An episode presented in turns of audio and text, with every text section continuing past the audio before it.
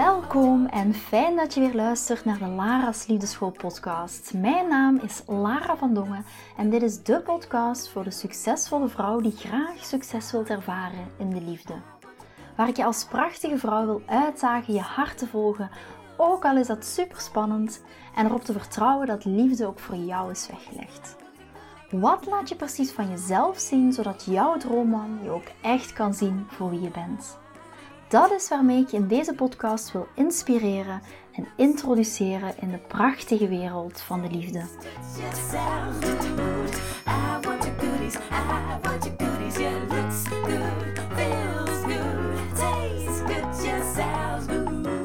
Ik was vorige week te gast als gastspreker op een seminarie en het seminarie dat heette Liefde overwint alles met een uitroepteken en een vraagteken. En de grote vraag was: overwint de liefde ook echt alles? Ik was voornamelijk gastspreker voor koppels die uitdagingen hebben binnen hun relatie en hoe ze dichter terug bij elkaar kunnen komen en meer die hartconnectie met elkaar kunnen maken. Ik heb ook een workshop gegeven voor single dames. En aan het einde, het seminarie duurde drie dagen. En na die drie dagen komen alle gastsprekers samen op het podium en mag het publiek vragen stellen. En de vraag die heel vaak terugkwam, die aan mijzelf gesteld werd, was de vraag: Lara, ik word vaak aangetrokken tot mannen die niet goed voor mij zijn. Ik word vaak aangetrokken tot de bad boys. Waarom blijf ik mannen die mij niet leuk vinden, leuk vinden? En mannen die mij heel leuk vinden, vind ik niet leuk. En herken je jezelf hier misschien in? Heb je het gevoel van, ja Lara, ik val ook op die bad boy. Ik val ook echt op mannen die mij niet leuk vinden. En mijn antwoord, hè, ook op het seminarie zelf, de verkorte versie, die ga ik in ieder geval graag met jullie delen in deze aflevering. Het eerste wat je dient af te vragen is: waarom voel je je aangetrokken tot deze mannen? Waarom val je op foute mannen en waarom laat je die goede mannen gaan? Herken je jezelf er bijvoorbeeld in? Je hart gaat sneller kloppen als je hem ziet, als je aan hem denkt. Dan voel je ook dat je wangen rood worden.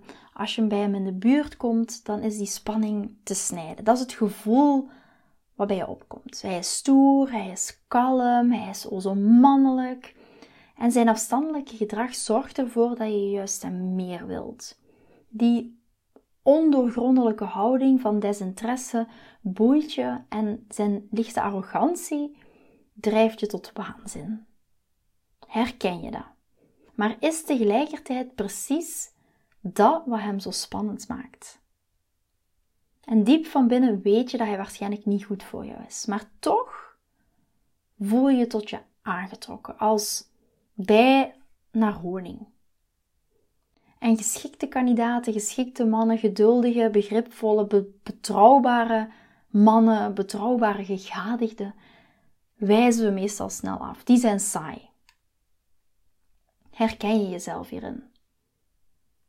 En waarom val je op deze man? Wat maakt hem zo aantrekkelijk? En die lieve, brave buurjongen of die lieve, goede man die altijd de deur voor je openhoudt, vind je minder aantrekkelijk. Die, de man waar je aan het daten mee bent, die bad boy, reageert niet op jouw berichten, kijkt niet eens naar je om. Terwijl die goede man jou dagelijks vraagt hoe het met je gaat. Hij is betrouwbaar, hij is lief, jou aanbidt en dat ook echt laat blijken dat hij jou leuk vindt. Eigenlijk klinkt het perfect, maar bah, nee, dat vinden we onaantrekkelijk. En wat trekt jou daar nu zo in aan? Wat jou aantrekt is het gebrek van de ander. Wat jou aantrekt, gaat even herhalen, wat jou aantrekt is het gebrek van de ander. Het feit dat iemand zich moeilijk kan hechten of zich juist enorm aan je vastklampt, dat kan ook zijn. Je kiest voor iemand anders zijn wonden, voor de pijn die je herkent. En dat klinkt misschien een beetje raar en misschien zo'n beetje sado van ja, ik ben helemaal niet op zoek naar die pijn. Maar waar dat we in werkelijkheid naar op zoek zijn, is vertrouwdheid. Het gevoel dat je ervaart bij een goede man is veel meer dan saaiheid. Eigenlijk voel je heel vaak een soort van afkeer. De geschikte is saai, dat is hetgeen wat je in je hoofd afspeelt. Eigenlijk voel je een beetje afkeer, omdat die persoon voor jou iets bedreigends heeft. We gaan op zoek naar vertrouwdheid, zoals ik juist al zei. voor iemand die liefde heeft leren associëren met weerstand en afstand, komt iemand die warm en open is heel bedreigend over. Ook al is dat iets wat onbewust gebeurt. Want iedereen zegt wel, ja, maar ik wil ook een warme en open persoon. Maar ons interne systeem herkent dat. Of herkent dat net niet. Dat is iets wat onbewust in ons interne systeem gebeurt. Zo'n man of zo'n vrouw kan het ook zijn, dat kan ook andersom gelden. Maar zo'n man, in ons geval als vrouw, als je naar luistert, zo'n man doet je innerlijke structuur wankelen. Je voelt je oncomfortabel bij iemand die je frustreert op de manier die je van vroeger kent. Sorry, je voelt je comfortabel, zo bedoel ik het. Je voelt je comfortabel bij iemand die je frustreert op de manier die je van vroeger kent. Want dat voelt voor jou vertrouwd. En daar zit vaak een angst voor intimiteit achter. En dan heb ik het over emotionele intimiteit, zeker niet alleen fysieke intimiteit. Het ligt aan die bedrading van onze hersenen. De spanning die een onvoorspelbare man jou geeft, zorgt ervoor dat er adrenaline in je hersenen vrijkomt. En dat geeft een kick. Dat is vergelijkbaar met een euforie. En hierdoor denk je dat je nog nooit zo verliefd bent geweest, dat je je nog nooit zo hebt aangetrokken gevoeld tot die man. Maar eigenlijk houdt je lichaam je voor de gek. Want bij een lieverd, bij een lieve man, maak je geen adrenaline aan. Want die creëert juist rust. En dit heet, op zijn Freudiaans gezegd, repetition compulsion. Het is repetition compulsion, het is herhalingsdwang. En het komt erop neer dat je een traumatische gebeurtenis uit je jeugd iedere keer probeert te herbeleven. Om er deze keer wel een happy end aan te geven. Want ergens vaak tussen je 0 en je vierde levensjaar ga je een bepaald plaatje vormen van die ideale man op basis van persoonlijkheidskenmerken van jouw ouders. Dat kan uiteraard ook nog in een latere fase, maar meestal ligt dat tussen de 0 en de 4 jaar. In een latere fase kan dat ook zijn door een bepaalde traumatische ervaring. Maar meestal, volgens de psychologie, tussen je 0 en je vierde levensjaar vorm je een plaatje van de ideale man op basis van persoonlijkheidskenmerken van jouw ouders.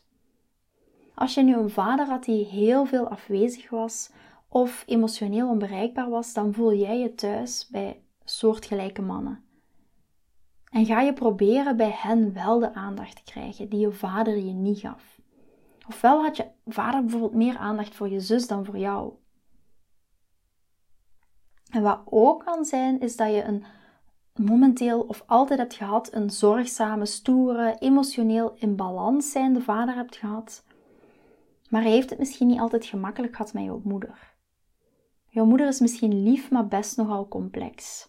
En hij wilde het haar vooral naar de zin maken. Ook al was dat niet altijd gemakkelijk, maar hij deed het wel. En dan kan je wel denken, ja, maar met zo'n voorbeeld zou ik toch voor een superschattige lieverd moeten vallen. Het kan ook andersom. Het gaat erom dat je de relatie van je ouders kopieert, omdat dat vertrouwd voelt. Misschien lijkt jouw karakter meer op dat van je vader en pas jij je daardoor aan aan minder gemakkelijke types, zoals bijvoorbeeld je moeder. En ga bij jezelf even na waar dat die angst voor intimiteit vandaan komt. En wees dan ook heel bewust van de keuzes die dat je maakt. En ga deze angst vooral ook helen. Je bent er nu bewust van dat je dit doet. Je weet wat er aan de hand is. Misschien herken je jezelf wel in die herhalingsdwang. En je, bijvoorbeeld, stel wat ik heel vaak hoor van dames is, ja Lara, ik ben met een superleuke man aan het eten, hij is lief, hij voldoet aan het perfecte plaatje, ehm, maar ik voel het niet. En, maar hij loopt heel snel van stapel. Hij ziet al een toekomst en dat geeft mij een beknellend gevoel. Ga hem dan afremmen. En kijk dan vooral wat dat met jou doet. Voel je daardoor meer ruimte bij jezelf. Ga kijken wat dat met jou doet. Het kan zijn dat je dat in het begin echt wel nodig hebt, dat je een man gaat afremmen. En wat gebeurt er met jou als je hem afremt? Maar wees er heel bewust van dat daar nog een angst voor intimiteit, en dan bedoel ik vooral die emotionele intimiteit, achter kan zitten. En dan is het belangrijk om daar eerst mee aan de slag te gaan. Omdat je anders elke keer in datzelfde patroon gaat stappen, van te vallen voor die bad boys. En ook geen gevoel te hebben voor die lieve man, voor de man die jou goed behandelt. En daar schuilt heel vaak een angst voor intimiteit of een bepaalde liefdesblokkade achter. En zo was dat ook bij mezelf. Ik herken mij hier heel erg in. Ik viel op die stoere badboy types die emotioneel onbeschikbaar waren, waar ik moeite voor moest doen. Want mijn overtuiging was: voor liefde moet je hard werken. Bewijzen dat je het waard bent om van te houden. Laten zien hoeveel geluk dat zo'n man met mij had. En ik vertrouwde er niet op dat als ik niks zou doen, een man toch voor mij zou kiezen. Ik zat echt in die prestatie-energie. En dat was super vermoeiend. Ik viel ook op emotioneel niet beschikbare mannen, omdat ik ook niet emotioneel beschikbaar was voor mezelf. En vanaf het moment dat daar bewustzijn over kwam en ik begreep: oké, dit zijn mijn blokkades, dit zijn mijn angsten, dit zijn mijn belemmerende gedachten, viel mijn frang, of ik zal maar zeggen, viel mijn kwartje. En kwam er ook duidelijkheid. En van daaruit kwam er heling. En vanuit die heling kwam er moeiteloze liefde. En dat gaf zoveel meer rust in mijn liefdesleven. Dus val jij voor de bad boys of val je voor de mannen die jij leuk vindt, maar zij jou niet? Herken je voor jezelf, herken je jezelf in dat patroon? En vaak zien we zelf niet dat patroon. Ik zag dat in het begin ook niet.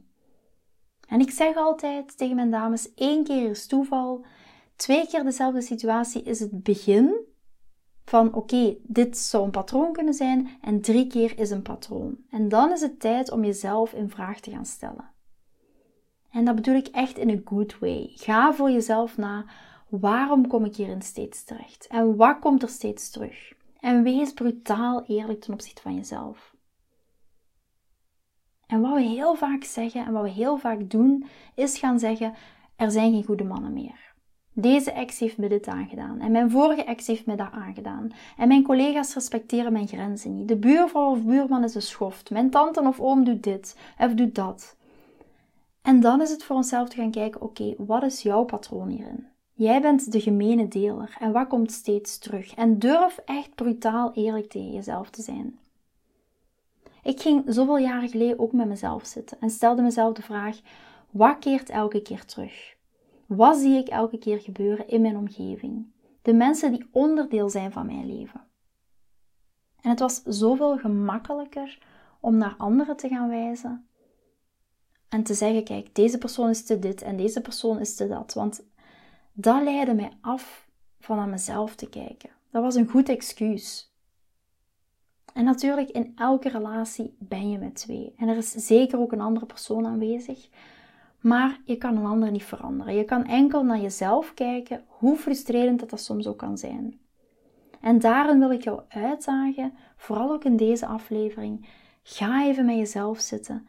Neem vandaag eventjes 10 minuten de tijd. Steek een kaarsje aan, zet een muziekje op, pak er een dagboek bij of een bloknoot. Ga journalen, ga schrijven en schrijf op wat je bij jezelf herkent.